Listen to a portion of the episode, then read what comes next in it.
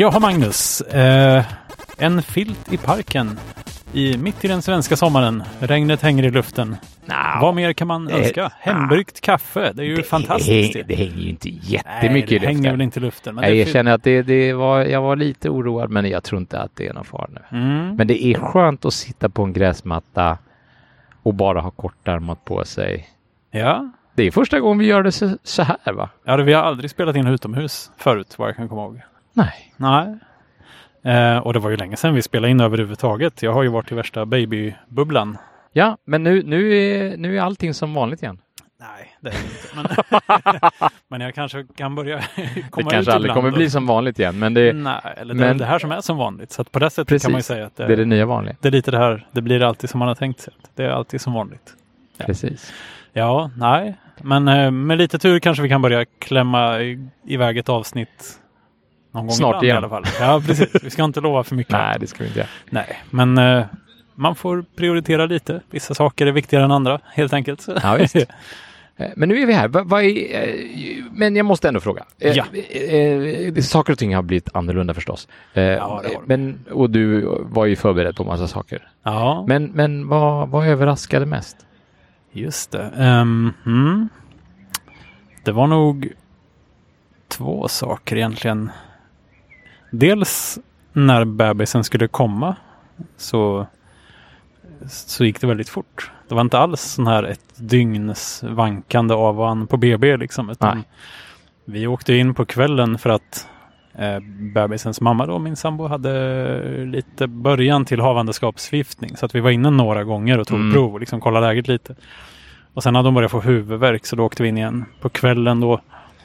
Ehm, på tisdag kväll var det då. Och då hade vi redan bokat en tid för igångsättning på torsdag. Så det var liksom Ja.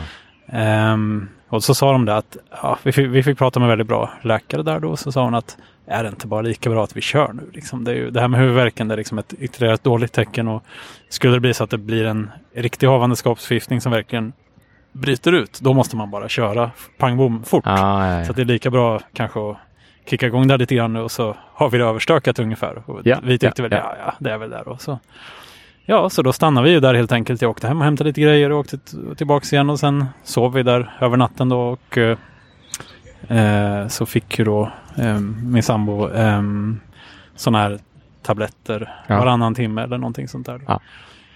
Sen vaknade jag på morgonen för jag tror vi, jag, jag kom nog inte i säng riktigt förrän typ fyra eller någonting sånt där. Eh, För jag var hemma och hämtade våra saker och sånt. Och sen vaknade jag på morgonen av att verkarna hade satt igång. Liksom. Oj. Och sen eh, fyra timmar senare var ju bebisen född. Ja. Så det var inte, det var verkligen ingen sån här det var nästan det jag hade bävat mest för att säga gud vad segt det kommer att bli Ja. det här och liksom jobbigt för henne och att det tar sån tid och sen man måste bli trött. Och, Men ändå, liksom, fyra timmar. tjongade till liksom. Ja, det gick väldigt fort. Det gick så fort så att de liksom blev lite så, oj, shit, okej, det är redan läge, okej, okej, men då, nu gör vi det här liksom. Ja. Men det var bra. Ja, det var bra. Det gick ju bra. Det, liksom, det blev lite, lite drama, men det var, det var spännande. Ja. alltså när allt har gått bra kan man säga att det var spännande. Så det hade ju kunnat bli komplikationer och känts jättehemskt. Men Ja, ja. Så här i efterhand är det bara, oj, ja men det var en häftig upplevelse liksom. Ehm, Och, och sen, när, när ni kom hem, vad har överraskat dig liksom eh, efteråt nu? Det som överraskar mig mest på lite, s- på lite lång sikt, eller vad man ska säga då, det var väl hur mycket som hände med själva barnet den första månaden. Att liksom, man fattar ju att de utvecklas och så vidare, men från, från att vara väldigt så här o, okontrollerad och, och, och med dimmig blick liksom till att ändå vara med på noterna ganska mycket på Mm. bara en månad och ändå liksom börja titta på grejer och förstå att det händer olika saker och börja gilla så här, gilla att titta på ljus, alltså mot, gilla att titta mot fönster och inte gilla vissa grejer och sånt där. Mm. Där trodde jag skulle ta längre tid liksom. Men eh, Men det är det är nästan som så att man ser saker varje dag som ja, är nytt. Sådär. verkligen. Det är lite som att stå på, jag har fått det beskrivet för, för mig, stå, att man när man är på Madeira så kan man liksom stå på en skogsstig och se, se eh, växter växa. ja, ja, precis. Vilket jag nästan tror är lite för bra för att vara sant. Men det är ju, Ja, jag räknade ut det där någon gång för jag köpte någon sorts gräs tror jag som växte väldigt fort Mm. till min balkong. Och så läste jag om det på Wikipedia. Så, ja, men det här kan växa si och så mycket liksom på en vecka eller månad eller vad det var. Så, så räkna ut att ja, men det växer kanske en centimeter om dagen. Ja. Och det, är ju, det är ju inte så att man ser det riktigt, men det är ändå så att man ser en tydlig förändring. Liksom. Ja. Man kan inte stå och se så här hur Nej. den växer upp. Men det var, där var det väl så att kanske att om det växer en halv millimeter så kanske saker och ting blev, det blev en annan böjning och så blir det någon Ja. slags det kanske blev någon slags hävstångseffekt då, som gjorde att det blev en större rörelse än, ja. än, än själva växningen egentligen Jo, precis. Det kan tippa över och gunga lite grann. Ja. Sådär. Så, ja, precis. Nej, men så just det här. Och det, det är så himla häftigt att, att tänka på allt det här med hjärnan och hur det funkar. Och liksom att det är verkligen, alltså man har ju instinkter med sig från början. Vissa liksom eh, väldigt grundläggande, ja men de här viktigaste behoven på något sätt. Mm. Nu ska vi äta, nu ska vi sova liksom och andas och sådana där Mm. saker.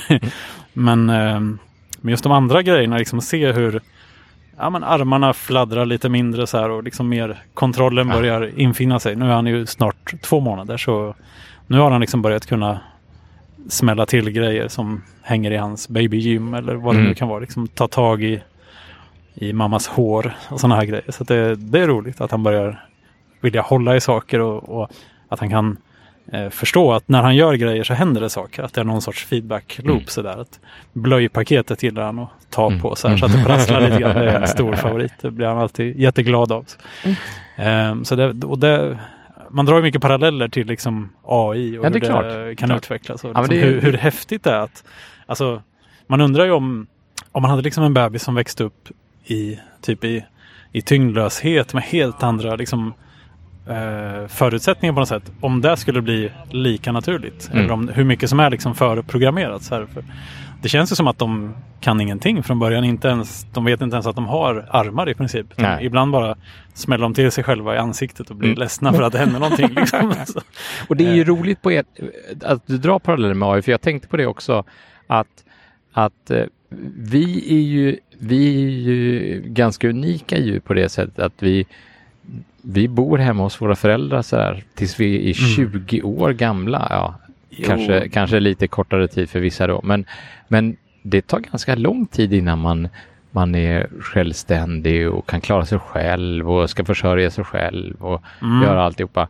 Nu, Alltså en del av de grejerna är ju samhället. Som liksom att vi har byggt upp en ganska komplex social struktur på något sätt. Så. Absolut. Jo, och, och, och det är kunnat- klart att hade man, var- man grottmänniska så hade man kanske kunnat bli utkickad ur boet redan vid 14 års ålder och, och, typ. och kunna Alltså, springa man, runt med... Kan med man börja jaga grejer? Ja, jag menar jag, rötter jag och samla, precis. Men då har man kanske inte riktigt lika stora behov sådär då. Nej, men 14 år, det är ändå väldigt lång tid.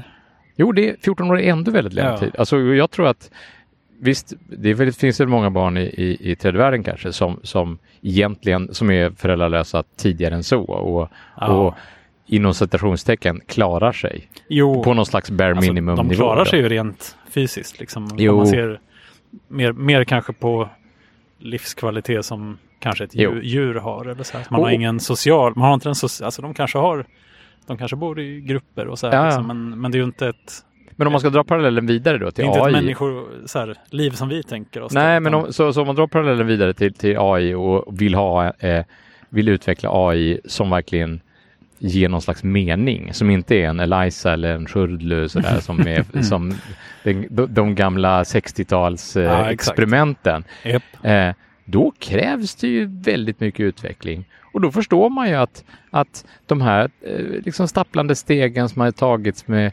med, med neural, ne- neurala nätverk nu då, Mm. eh, som, som då efterliknar ändå den, den, det här armflaxandet som du pratade om exakt, innan va?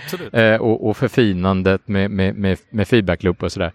Det, det, tar, det tar tag. Absolut. Eh, Och, och, och nu, nu är vi ju där, när, när vi har kraften att snabbspola den här utvecklingen. För det är ju det det handlar om med AI rätt Ja. mycket nu. Att, att Jo. själva teorin bakom de neurala nätverken, de har ju egentligen inte det, är de, typ- de har ju, det, det, är klart att de har det har förbättrats och förfinats med hela convolution network och sådär. Exakt. Men, men, och, och, och, och filter, eh, och sådär. Ja, precis. Mm. Men, men, men, eh, men just snabbspolningen, att kunna ha jättemånga fler noder Mm. och, och köra dem jättemånga fler gånger. Ja, sen är det ju, alltså jag, jag kommer att tänka på den här, eh, i den här pausen vi har haft nu på två månader så, Ja. så var det ju en Uber-bil som körde på en, en människa så att hon dog. ja. Ehm, och jag läste lite mer om det här om dagen för man blev väldigt fundersam på i och med att den bilen hade då inte ens försökt stanna. Den hade bara tvärkört över en människa. Då, liksom. Och nu var det i och för sig, det var natt och hon kom gåendes med en cykel tvärs över vägen så det kanske var lite udda omständigheter sådär. Att bilen kanske inte har sett så många personer som går med en cykel i sin träningsdata. Liksom. Men, men man blir ändå fundersam så här, vad tusan, den ju inte ha, den kan inte ha missat att det var någonting där. För det var ju någonting där. Den har ändå radar och allt möjligt. Liksom. Mm. De, det är ju, de, de samarbetar ju med Volvo så att det är ju stora SUVar, Volvo XC90 med liksom en stor rigg med sensorer på taket. Eh, Men så läste jag en artikel om det bara häromdagen faktiskt. Att de hade haft en, eh, alltså i, i Ubers algoritmer så fanns det detektering av false positives. Alltså när sensorerna ser att det är något där men det kanske inte egentligen är något där. Då vill man filtrera bort det på något sätt. Mhm. Och så trodde då den här algoritmen att ja, men det här verkar inte vara en, ett riktigt hinder. Liksom. Så den bara Nej. ignorerade helt och bara körde över personen. Oj, så det var inte att ta det säkra för det osäkra precis där? Nej, Tvärtom? nej, fast det är ju klurigt för att Ja, det är klart. tänk dig om den börjar göra sådana panik undanmanövrar för något som inte finns där. Det är ju När det är nästan ett lika mönster i liksom. marken? Ja, eller- exakt. Eller en plastpåse som bara blåser förbi eller Oh. en skugga liksom eller vad som helst. Så att det som behövs är ju på något sätt måste ju den här när det är så här livsavgörande situationer ändå så man kan inte förlita sig på att den har träningsdata för alla situationer som någonsin kan uppstå. Nej, utan den måste ju kunna hantera situationer som, som den aldrig har varit med om innan. Nej. Och det är definitionen på intelligens menar jag. Ja, och kanske också då att alltså det här kan ju säkert hända för människor också att man ser fel eller att man tar, tar miste på någonting. Mm. Men det får ju inte hända för ofta. så kan man säga. Det får inte hända så ofta att det händer. Nej, alltså ja, Nej men det är fast sant. Det är, alltså, å andra det är sidan. okej att misslyckas. Människor kör ju men, över men, folk om man, men om man varje vecka, repeterar liksom, varje samma dag. fel om och om igen. Ja, det får inte hända. Det, det får ju inte hända. Alltså den... eh, Nej, precis. Den AI-algoritmen borde ha blivit traumatiserad av det här så att den aldrig mer gör om något liknande.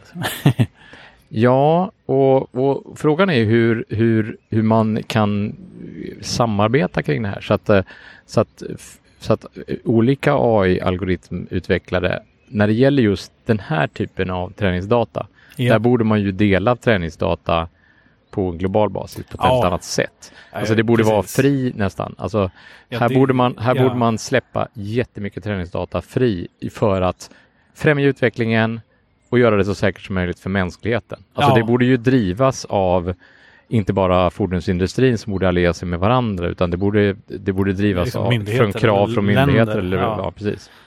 Nej, jag pratade med en kollega om det där em, för några veckor sedan.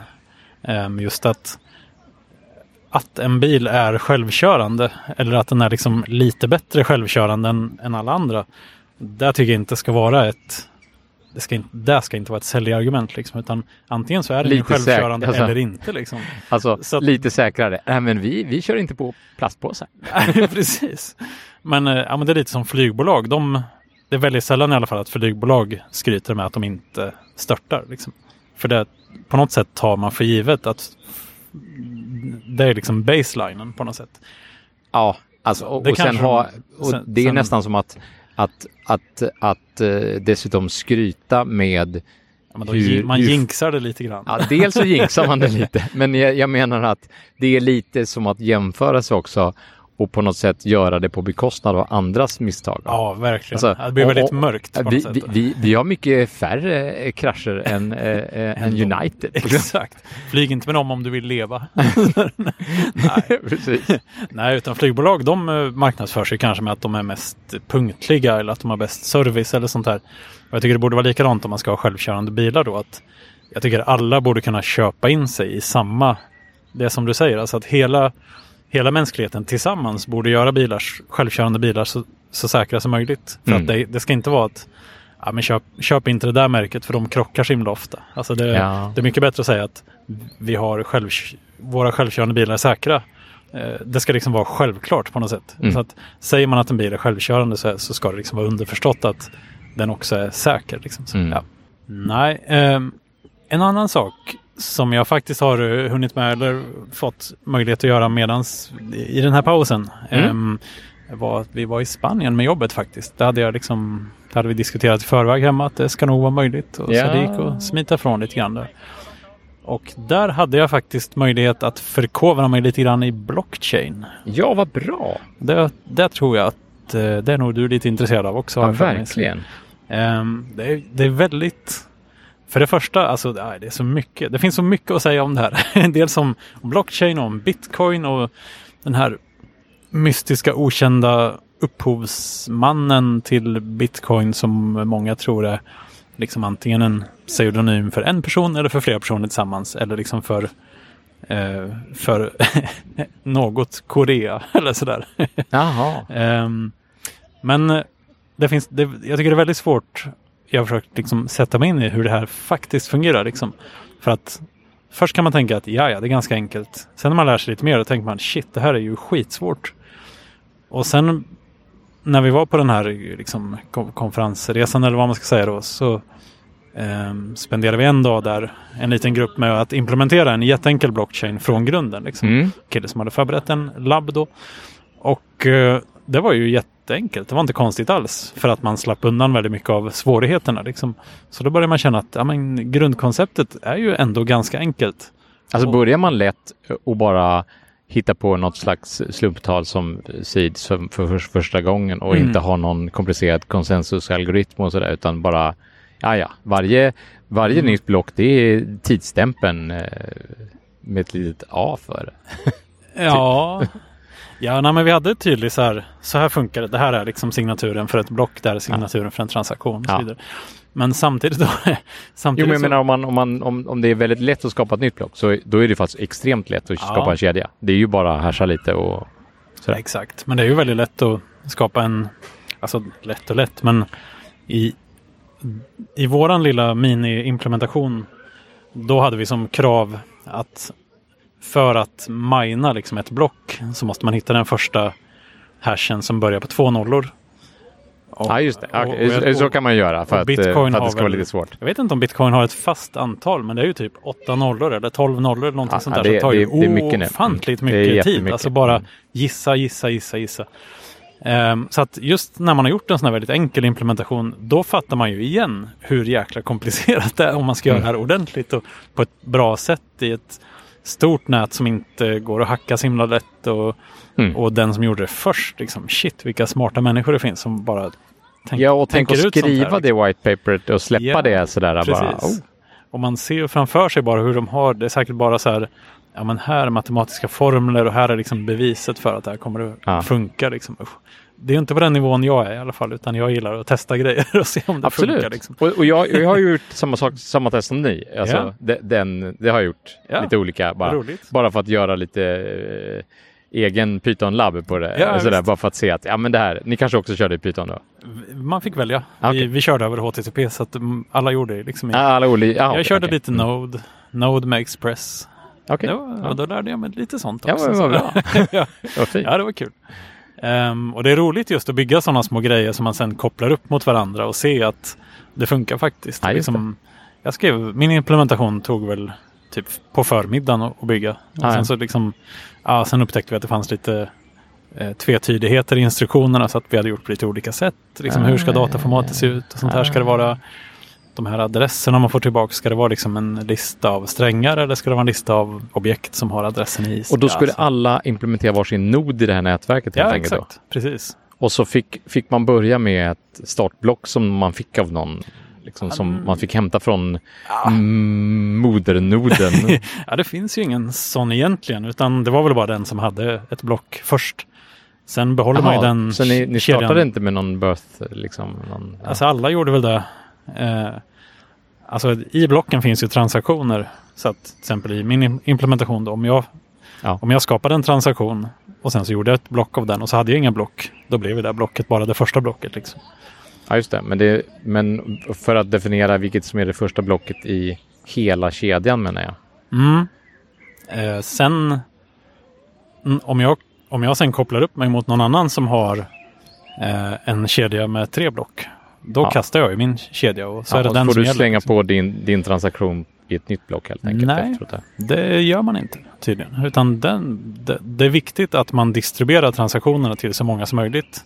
För det egentligen är det transaktionerna som är de viktiga. Men du vill ju göra transaktion. Du vill ju fortfarande få din transaktion att gå igenom. Absolut, men det är inte mitt block är inte det viktiga. Utan det Nej, viktiga är att det Men finns du ett kastar block. bort blocket, men du får Exakt. spara transaktionen och sen skriva den i Mm. ett nytt block då istället. För du vill ju Ja. fortfarande få in den på ledgern. Liksom, Precis. eller hur? Vi, vi gjorde så att alltså vår kedja var, in, var inte bra. Era transaktioner var ju också bara slumpartade transaktioner antar jag. Det var inga viktiga Nej, man, transaktioner. man kunde skriva in dem manuellt liksom i Ah, Postman eller något. ah, men, eh, men vi gjorde så att om jag gjorde en transaktion så skrev jag ner den i ett block och sen kastade jag den. Liksom.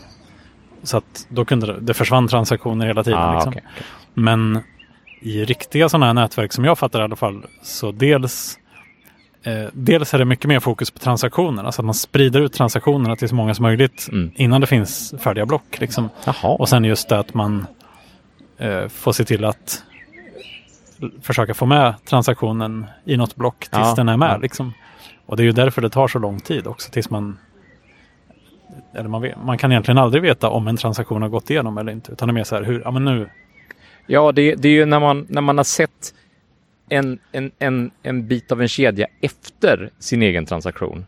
ja, fast och, eh, och, och tillräckligt länge. ja, man och- brukar väl prata om så här sex block Ja. ovanpå en, ett block med en transaktion i. Då är det rätt safe. Men samtidigt kan det ha varit något jättestort internetavbrott så att Asien har varit frånkopplat från Europa och de har minat vidare på någon Ja, kedja som är längre och då är det ju den som gäller på något Ja, sätt. det- Och då är det den som då är man körd. Så, ja.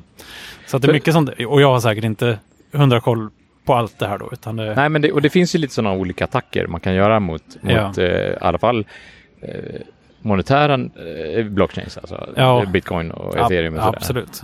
Om man, om man har jättemycket miningkraft så kan man ju göra den här 51% attacken ju. Ju Ja, då får man ha mycket. då får man ha jättemycket. Men man, eller eller det- liksom vara på en ny valuta i början. så den, den är ju teoretiskt möjlig. Liksom. Ja, absolut.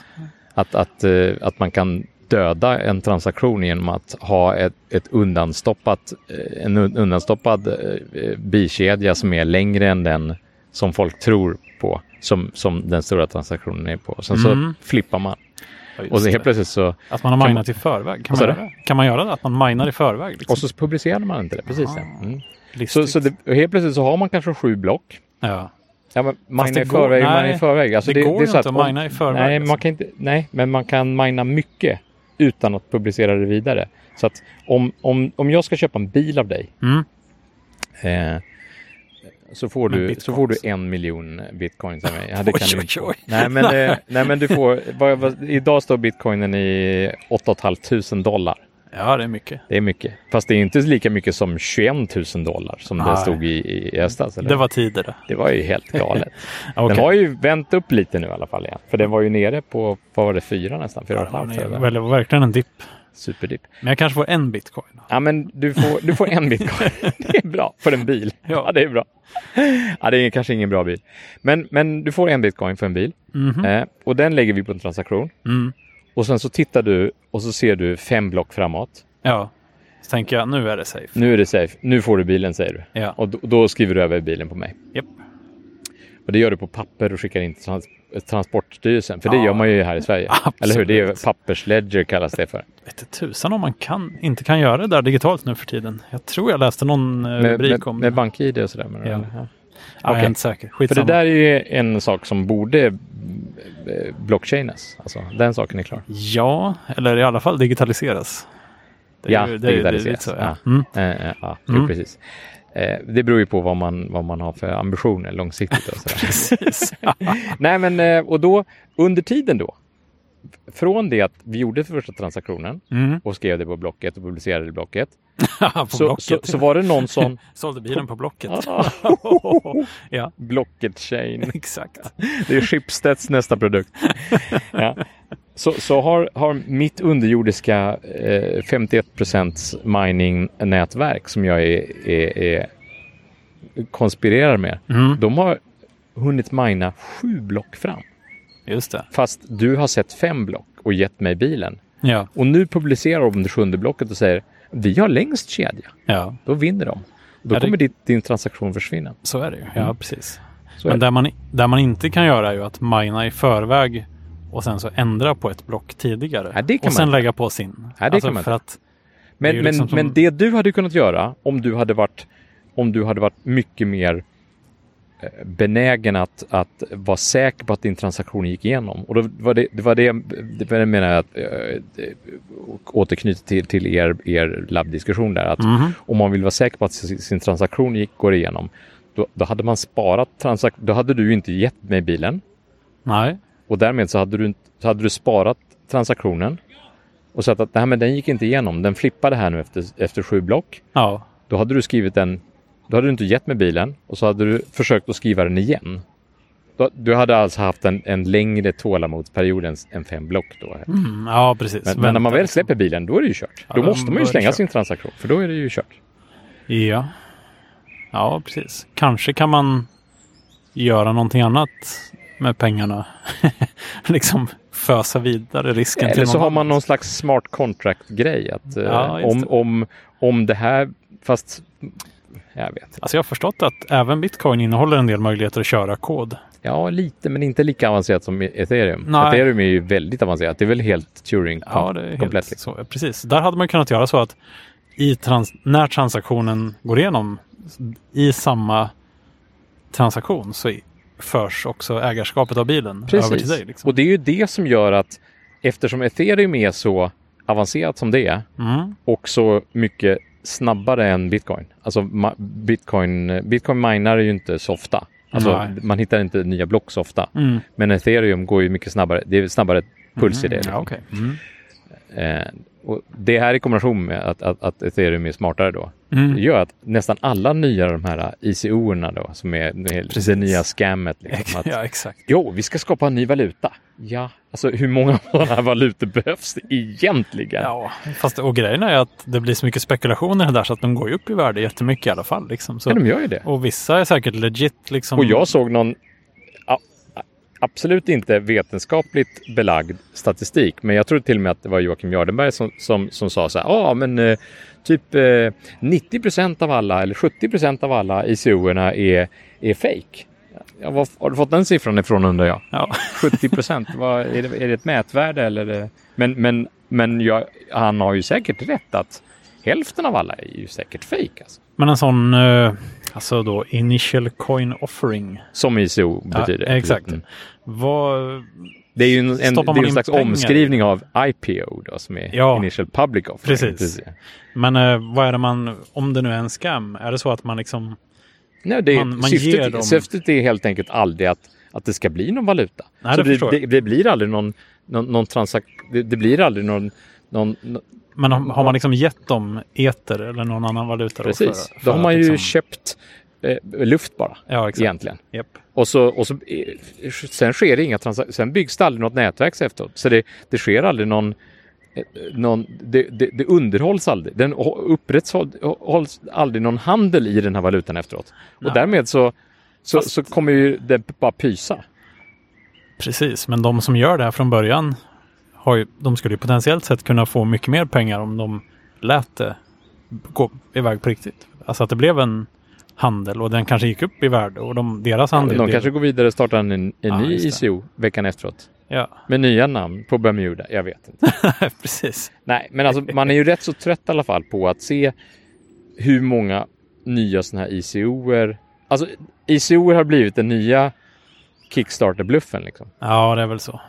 Och så ser man bara ett stort pajdiagram där man ser, okej, eh, 70 procent av alla, alla coins i den här nya bubbelvalutan går till folk som kan gå in och och sen så är det 20 procent till någon som äger nätverk och, Ja. och, och, och sen så är det 20 procent till de som till de som startade det hela. Så Ja, de, de, de, de, de, låser alltid 110 procent. de brukar alltid, ja, jo. Ja. Men de låter alltid 20 procent. Uh, ungefär brukar alltid vara. Alltså t- 10-20 procent brukar de alltid låsa till sig själva. Så här. Jo, För det- om det hö, höjs jättemycket då Exakt. så ska de liksom få tillbaka en bra hävstång. Jo, för det är ju lite som, som då den här eh, okända upphovsmannen till bitcoin. Han, hade, han har väl en 21 del av alla bitcoins i hela världen. Han har jättemånga bitcoins och det är ingen som vet vem det är. Och det är flera som där liksom flera personer som liksom antytts att den, där, jag vet att det är den här tillsammans med den här då typ kryptomänniskan liksom som ligger bakom det här. Och det var väl någon som först erkände det och sen tog tillbaks det och det var verkar som att det var kanske inte stämde riktigt. Och Sen är det väl någon har liksom- okänd japan som hette likadant. han hette likadant, han är inte okänd. Nej, det är det. Men han... Nej, men är eh, okänd så tillvida att han inte har med krypto att göra. Så att han är... Precis. Men så var det väl någon som hade bott typ i samma kvarter som honom som var väldigt sannolikt att det skulle kunna vara rätt person. Att han kanske hade bara tagit hans namn. hans namn Precis. Vad är det han heter? Nakamoto? Mm, ja, jag, jag kommer inte ihåg. Men det var ju ett ja, så väldigt japanskt klingande Ja, namn. Då. och han hade också postat mycket på forum och sagt, skrivit in hur gammal han är och sånt här. Att han är en man från Japan. Och, ja, det, är- ja, det är liksom... Frågan är ju om man nu har, om man nu har liksom... Jag tror det var typ 19 miljarder dollar eller någonting sånt där. Mm. Hans bitcoins hade varit värda som mest. Eh, och han hade ju varit en av de, mest, en av de rikaste människorna i världen. Liksom. Mm. Men ja, jag kan väl dels förstå att det kanske är svårt att få ut det här i pengar utan att Verkligen. betala typ allt i skatt. Eller liksom att det, blir o, att det blir brottsligt på något konstigt sätt. Men vad... Tänk så mycket pengar. Alltså Ja, vad, varför... Absolut. Och jag har ju väldigt svårt att tro... Varför tar de- ap- Apropå den skatten liksom. Ja, för det första. Eh, han han skulle aldrig ut- kunna casha in allting på en hälften- gång. Det hade, ju, det hade aldrig gått liksom. Han hade ju fått pytsa små portioner för att det inte skulle synas. Fast vad, vad är det för fel med att det syns? Liksom? Är det olagligt på något sätt? Det kan Nej, men jag inte vet inte. Men det, han, hade ju, han hade ju sänkt kursen genom att Ah, eh, så. eh, lämna massa saker till vara. Fast det försäljning. gör inte så mycket om man ändå ska sälja. Nej, men han, den kanske hade att sänkt för ingen hade kunnat köpa. Ing- 19 miljarder Nej, dollar. precis. liksom. Även det. Det, det, det, Ja, det ska finnas precis. Han hade fått pysa ut lite Han har fått långsamt. pysa ut lite att det långsamt, blev precis, ja. lite inflation. Men, men apropå det med skatten så pratade jag faktiskt med en från Skatteverket eh, Ja. häromdagen bara. Ja, för det blev en massa bitcoin-miljonärer då kring, Ja. eh, ja, vad var det, förra hösten eller något sånt där, när, det var, när den var uppe då i... Ja, och han 21 000. trodde ju att han trodde ju att det var i stort sett omöjligt att kontrollera detta. Att Ja. det, det är några få som har kommit och undrat hur, hur de ska skatta för detta. Liksom. Mm. Och, och vad den omedelbara bedömningen var väl att det skulle vara eh, typ vanlig reavinstskatt. Ja, men det är väl som att man hade handlat med vilken valuta som helst. Ja, eller, eller vilket värdepapper som helst. Ja, exakt. När man väl stoppade in seken så var, så var det en transaktion och när man, när man fick ut seken igen så var det en annan transaktion. Liksom. Betyder det att Och- jag kan eh, få tillbaks på skatten för att jag har förlorat pengar på bitcoin?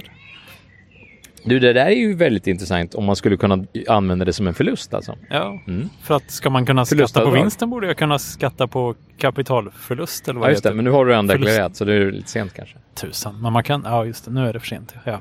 För du har redan sålt dem eller? Nej, jag har inte det. Nej, men har du inte sålt dem då är, då är det kvar. Ja, just Det är väl när du säljer dem Ah, som, när du säljer dem till förlust som, som för, förlusten är. Ja, jag har nog bara sett det där på bolån, att man får dra av att, men det är, det är någonting annat. Ja. Nej men jag, nej men det kan man väl göra med aktier ja, schysst. Men då är det först när man har sålt dem med förlust, då, varför Ja, man nu skulle göra det. Ja, Mm. ja, ja coolt. Men ehm, ja, det, det, just det här, det är så himla fascinerande att man inte vet vem den här personen är. Ja, och att det är det är liksom så att eh, jag vet att det finns vissa konspirationsteorier om att det är Nordkorea som ligger bakom. Så det- det, är väl just- ganska osannolikt. Just kring men- bitcoin så är det ju så kul att det finns massa sådana här helt tokiga historier. Den, eh, super, det mest tokiga är väl den här som, som till och med mina barn känner till om. Han som, han som hade bitcoin på någon hårddisk och så förlorade Ja. han hårddisken. Och, Man låg på någon soptipp. Ja, liksom. precis. Eh, men, men, men också de här som råkar bara komma in i det här av en, av en händelse. Eh, jag läste i, var det i våras, läste en artikel om 50 Cent. Ja, Det, det, det är ju väldigt valuta. han gillar valutor. Han gillar valutor helt enkelt. 50 bitcoin. 50 Cent gick i konkurs. Bara det Ja, låter ju som det. en, eh, som en påhittad eh, rubrik. Det är ganska lite, det är ett litet fall från 50 cent Från till 50 konkurs. Cent till noll. ja. Men han gick i konkurs. ja, Och, eh, och då säljer han sitt nästa album och får betalt i bitcoin. Jag vet inte det. Ah, Alltså om det är för att... eh, alltså, in, alltså inte rättigheterna utan enskilda Ah, skivor liksom. Jag, Han jag sålde kommer faktiskt inte ihåg detta för det var en artikel som jag läste i januari eller något. Men, Ja. men, men poängen var i alla fall att han rent av en flax alltså Men- blev bitcoin-miljonär. Alltså antingen var han ju smartare än man kanske skulle kunna tro. Eller så hade han liksom någon med koll på läget som bara gör det här. Du kommer inte ångra dig. Liksom. Eller så var det bara, Eller bara en, eh, en trendgrej sådär som ett hipsterskägg. En det. bitcoin-skägg. Bitcoin-skägg. ja, men ja, just det. Han måste ju kunna blivit skitrik. Ja, det var Mm. kul. Ja. Alltså man får väl se, eh, se vad som händer här framöver. Eh, mina bitcoins ligger fortfarande back. Jag köpte när det var yra kan man väl säga. Ja, och det gjorde inte jag. Jag råkade köpa lite i maj förra året. Det var ju långt var- innan den här det var en 21 bra tid. Men det var, jag köpte alldeles för lite. Ja, Eh, fast det där är ju, man kan aldrig veta. nej, liksom. man kan aldrig veta det. För jag menar om man, det, är många, det finns många sådana liksom, som gör sig lustiga då över att folk när, när bitcoin gick upp väldigt mycket så här, ah, jag skulle ha köpt när den stod i 8000 dollar. Och nu står den i 8000 dollar igen, men då är det ingen som köper. För då, är det liksom, då har den ju gått ner. Så här att, Ja, nu, nu har du chansen att köpa den på 8000 dollar igen. Men, Var- varför men det gör klagar de inte nu. Liksom, för de tror inte att den kommer gå upp till 21 000 Exakt, dollar. men det trodde de ju inte då heller. Så Nej, vad, vad är det de klagar på Ja, egentligen? e- Liksom? eller hur? Ja, det, är, det är ganska roligt på det viset faktiskt. Alltså det är lätt att gnälla i efterhand på något sätt. Men det är ju en chansning man gör. Det är ju därför man, det är därför man kan tjäna pengar också. För man Ja. tog en risk. Liksom. Så att det är väl bara att gå och handla igen nu då. Ja, det blir spännande. Jag tror, jag tror för min del att det här är det året som vi kommer se eh, kryptovaluta kommer, det kommer förändra det kommer förändra en dels beteende. Så särskilt nu i Sverige där kollen blir ännu större på monetära transaktioner. Alltså vi Mm. har ju i stort sett inga kontanter kvar. Nej. Alla swishar eller de, man tar kort överallt eller Apple Pay Mm. överallt. Mm. Och det är helt okej. Eh, Jag, jag hade en, en bekant från Luxemburg på besök i, i eh, ja, av alla ställen dessutom. Man, man, man associerar verkligen med pengar. Ja. Och hon var helt, det ett par som jag känner som bor i Luxemburg och, och, och de var helt förbluffade över hur kontantlösa vi var i Sverige. Ja. Va? Tar inte kontanter längre? det Nej, var ju liksom precis. Helt, det, var ju, det, det, det var helt främmande för dem. Ja. Att, att alla sprang runt och betalade med kort så här. ja. Så hon, hon ordnade ju snabbt ett Nordea-kort och helt plötsligt så hade hon betalat contactless med sitt nya Nordea-kort Ja. för första gången i, i Då hade de kunnat skaffa någonsin. Apple, Apple Pay också. ja, precis. Ja, men eh, vi var inte riktigt där i diskussionen kan man säga. Nej. Men, men det var roligt och, och då, därför så tror jag att, att eh, just lite gråa affärer under ytan, Mm. de kommer börja handlas över bitcoin snart. Ja. Det, det, nu, det här året, Det kom, jag det tror att händer. bitcoin kommer bli stabilt i år för sånt. Att det börjar mer vara användas liksom. Men Ja. där, där är ju liksom tids... Att det tar sån tid att göra en transaktion är ju egentligen den största haken då med bitcoin kan man säga. Att och går det inte, kanske blir ethereum istället då som... det går som, inte att ställa sig vid disken i en butik och betala med bitcoin. För då får man ju vänta liksom ett dygn kanske innan man vet om ja, man faktiskt har köpt något eller inte. och, och det är ju det som är, det är ju det är ju baksidan. Verkligen. Men, men där, var det vi som pratade om det? Jag vet inte. Antingen har vi pratat om det här tidigare eller så har jag pratat om det här med någon kollega. Men just någon person jag pratade med i alla fall Mm. trodde att där kommer nog typ Visa eller någon sån här gå in och säga men nu har vi bitcoin Visa. här. De garanterar, en transaktions... Exakt. Precis. Och så Att- har de buffert. de har bufferten. Det är ju De precis får- som kreditkort funkar nu. Liksom. Ja. Man kan ju handla utan att Ja. ha en uppkoppling. Men då, då är det en grej mellan mig och Visa, eller min Visa bank sen då. Att. Och, att- och mellan, mellan, eh, mellan eh, Visa och, och affären. För jag tror att där, har, där finns det också en buffertförsäkring. Att, Ja, så kan det säkert också vara. Men jag menar om jag, om jag köper något offline med mitt Visakort som inte jag har täckning för, då kommer ju Visa och driva in de pengarna från mig sen. Mm. Och det är Precis. ju inte så kul. Nej. så att det kanske kommer liksom, ja men bitcoin Visa.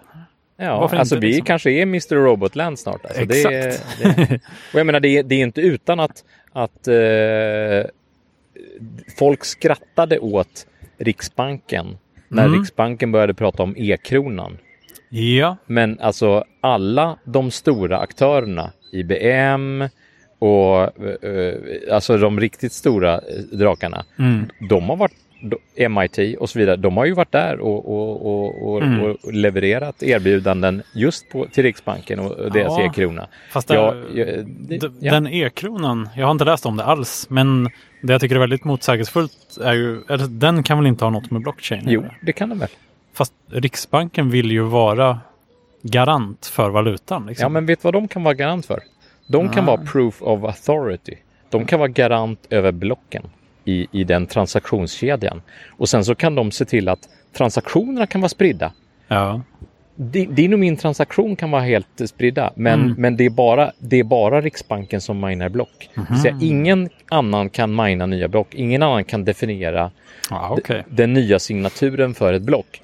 Men de kan stå för blockpulsen kan man säga. De kan säga så här, här är ett nytt block, här är ett nytt block, här är ett nytt block. De kan göra det en gång var tionde sekund kan de publicera ett nytt block så här. Ja. Och så kan alla transaktioner som har gjorts där under signeras på den här och så kan de kvittera ut ett block från Riksbanken. ja, det. Och det är ju en modell som kanske inte kommer funka i Nigeria eller i, i något annat land som riskerar att vara korrupt i, i, sin, i sin grund. Mhm. Men, men, men Riksbanken tror vi väl ganska mycket på. Fall Ja, Skatteverket. de- det känns och, legit. Och.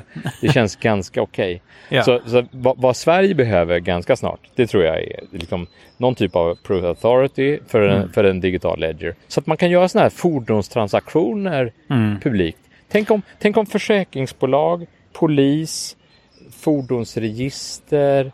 Men varför ska det vara en blockchain? Kan det inte bara vara en databas där det står vem som har handlat vad? Ja, Liksom? men n- nu blir den ju helt plötsligt distribuerad. Du kan ju skriva din transaktion och definiera ny data som ska läggas ner Ja. på, på den här blockchainen. Den kan, den kan bara publiceras ut. All, den kan vara tillgänglig direkt hela tiden. Mm.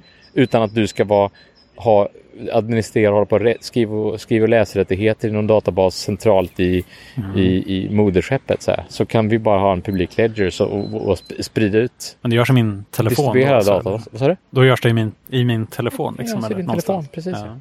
Och det Ja. enda som behövs centralt då, det är ju den här proof of authority. ja, precis. pulsen då liksom. Men, Jo, men du behöver inte hålla sån- på få en, ha en global, du behöver inte ha en centraliserad databas. Det Nej. enda du behöver ha centralt då, det är egentligen själva kedjepunkterna. Liksom. Ja, alltså fördelen med en sån ledger hade ju varit att man egentligen inte behöver ha det här proof of work och att det behöver inte dra all ström i hela världen. Nej, precis. Utan de kan bara, ja, ja här är det liksom. Därför att, De därför har nyckeln Då, är det någon som, som står garant för, Ja, för, för det. Och, då, och då, då får man inte den kritiken med, med liksom hela Cyperns eh, elförbrukning. precis. en, en annan grej som inte alls har med det här att göra som jag observerar lite lustigt i, i Spanien. Vi var i Fuengirola som är en eh, tidernas turistort. Liksom. Det, Jaha, var ligger det? det ligger utanför Malaga.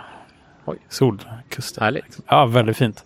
Men det är ju så väldigt turistanpassat där. Så man såg ju liksom eh, kaféer som hade apfelstrudel och, och liksom Förstås. menyer på danska och utanför restauranger och Inget sånt. där. brittiskt? Nej. Jo, mycket brittiskt Ja. också. Och ir- Torrevieja, irländskt. Torrevieja. Ja, okej. Dit, dit åkte de. Ja, okej. Jag förstår. Ehm, så att på hotellet så fanns det en liten, liten hörna i receptionen där folk hade liksom lagt böcker. Ja. Och de var på svenska. Ja, naturligtvis. ja, så det var lite så här deckare och sådär. Ah, men, ja, ja. Så det, det satte liksom prägen lite grann att ja, okej, det, det är inte ens, ja, det är inte ens, det hade varit kanske inte så passande att ha böcker på spanska på ett, ett hotell där uppenbarligen kanske mest turister bor då. Men det känns som att eh, det är liksom de som bor där som har satt igång det här lite ja, men det är roligt. Ja, Och jag, jag gillar sådana där bokhyllor. faktiskt. Ja, ja. Alltså jag, jag har gillat sådana bokhyllor. Jag har alltid gillat sådana bokhyllor.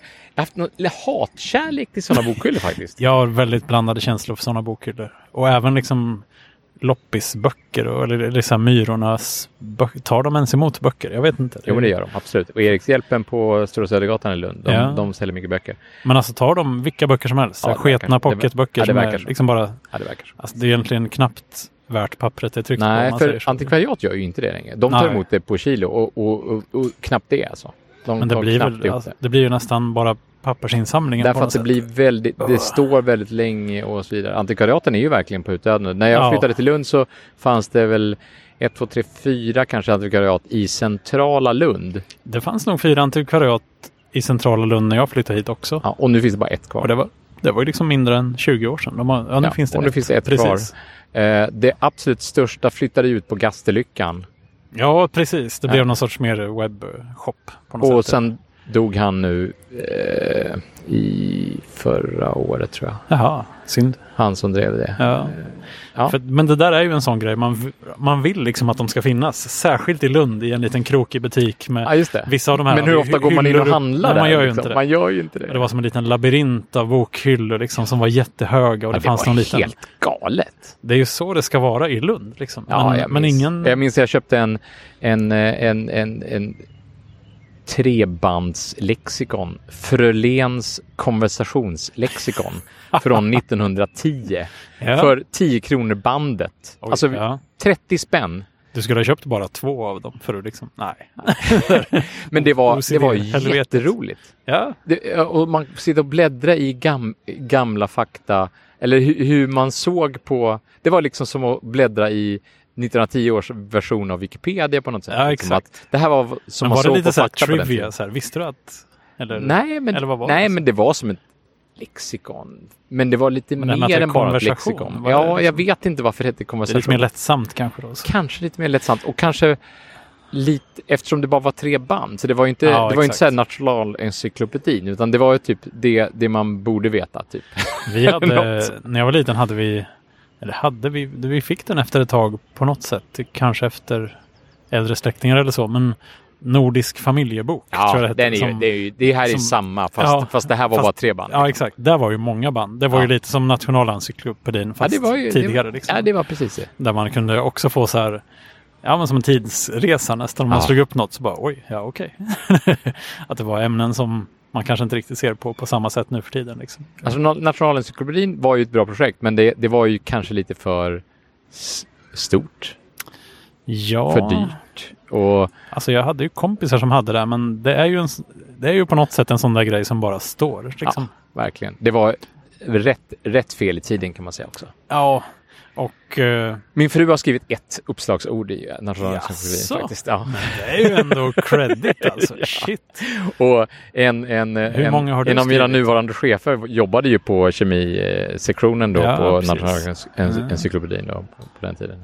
Inte. Ja, hon, hon, hon var ju också på kemi då. Hon skrev, Ah. hon skrev ordet invertas. Okej, du får hålla dig till Wikipedia då.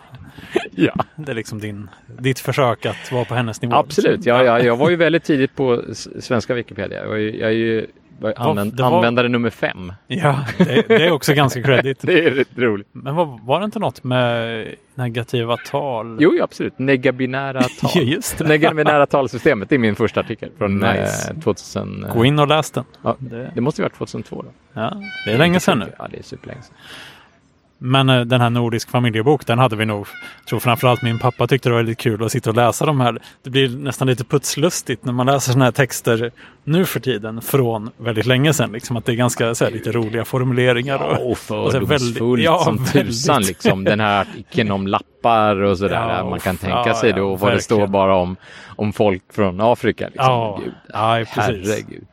Ja, ehm, nej, Ja, sådana bokhyllor. Liksom. Jag älskar sådana bokhyllor. Jag har börjat experimentera. Vi, vi, vi får återkomma till det i, Ja. i ett senare avsnitt tror jag. Med Okej. mina experiment där. Så här. Men, eh, men eh, för jag, å ena sidan så samlar de mycket skit. Ja, Å andra sidan så finns det sådana som kan vara kan ha en helt magisk alltså. uppdatering och guldkorn och Jaha. eh, överraskar lite alltså. Och jag har hittat en sån som överraskar nu. Jaså? Och jag har själv börjat Alltså en hylla som en, har en överraskat? sån hylla som är över. Ja, okej, och jag har själv börjat experimentera lite med hur man kan eh, ja. Du vill inte avslöja Nej, jag vill inte avslöja. Ah, jag håller det på halsen. Vilken cliffhanger. Ja, eller hur? Ja, vi, hade, vi har en eh, typ en övernattningslokal i, i vår bostadsrättsförening där då mina föräldrar bodde en gång. Där fanns det en bokhylla där folk liksom bara lämpat av lite böcker. Men ja, båda mina föräldrar gillar att läsa. Jag tror i alla, alla fall pappa hittade någon bok där som han läste. Den. Han tog med den hem och liksom läste den färdigt och tyckte den var jättebra om jag tror det handlar om typ kvinnor i Kina eller någonting sånt Ja. Fem, fem systrar. Ja, jag vet Ja, inte. Nå- någonting sånt där. Så den tyckte han var jättebra och så sa han, ja, jag får väl skicka ner den här liksom så ni kan ställa tillbaks den igen. Och så sa jag, alltså dels har vi ju inte nyckeln dit om vi inte hyr lokalen. Men sen Ja, tror jag att det är lite meningen att man ska ta med sig och ta med Precis. sig någon annan bok Så nästa är gång och ställa dit liksom så. Ehm, så det har ju sin charm alltså, men jag känner också lite att det, det, det är ju liksom det är ett sätt att göra sig av med böcker också utan att känna att man har slängt en bok. Alltså, ja, och då blir det gärna så att det samlar på sig det sämsta. på ja, det var ju de man inte ville ha. Bra böcker har man kvar, för de var ju så bra. De kan någon annan läsa igen. Så, här. Ja, Men- exakt. så det blir ju inte riktigt bra bokrekommendationer. Och därför blev jag lite överraskad. Jag var på, bodde på en eh, gästgivaregård i Brösarp. Jaha, trevligt. Eh, och där hittade jag en, eh, en jätterolig bok. Tyckte jag, men inte över familjen. eh, Valle Westensson. Kanske en kändis för vissa. Jag har skrivit en bok som heter 100 balla ställen i Skåne. Ja, just och det är en rolig guidebok eh, som lyfter upp så här kuriosa Ja, ja. resmål. Liksom, som Leksaksmuseet i Eslöv som är en sån här eh, förbisedd eh, liten pärla. Eller konstiga eh, eh, liksom en, en, någon övergiven dinosauriepark Ja. eller, eller Men varför gillar inte övriga familjen då? Det låter ju jättekul. Nej, men de var inte så, de tyckte inte det var så roligt att åka till såna här konstiga saker, utan de Aha. ville ha riktiga saker att åka De- till. ah, Men, men den, den boken, jag tog med mig den boken från den här bokhyllan och ersatte, den, ersatte den med något annat faktiskt. Ja. Eh, och sen så eh, den fick mig att köpa liksom den nya upplagan av Jaha, den här boken oj. också. För jag tyckte det var, det var en så bra idé det här med hundra balla ställen. Och han har ju fortsatt med detta. Är det jag tror han har skrivit en, balla ställen till? Då? Ja, just det. Precis. Ja, vissa är ju samma, men Ah, han har okej. uppdaterat den. Men, eh, men eh, han, har, han, har gjort, han har gjort liknande för Köpenhamn tror jag. Jaha, Så det, det, är, det är en bra Det är idé. jättebra. Det är en riktigt bra idé. Det är lite sånt man vill ha, lite sån här... Ja, men det är lite så här ufo-grejer. Ja, och det här är bara Skåne. Någon borde ju göra det här för hela Sverige. Det är lite som, som Hundra höjdare, fast eh, Precis. alltså den, den typen av eh, Ja, liksom samma anda. Kan man Ja, säga. Mm. lite kul. Filip och Fredrik-anda. Precis. Mm. Ja, men vad bra. Det där kanske blir veckans boktips. Då. Det blir det, Ja, absolut. men vi, vi ser när vi ses nästa gång helt enkelt. Eh, Det Ja. vet man aldrig, men det blir väl någon gång. Och då ska vi prata bokhyllor igen. Ja, då vill jag höra om experimentet. Jag är jättenyfiken. Ja, och fler böcker. Vi siktar på det. Mm. Bra, Toppen. hej! Hej.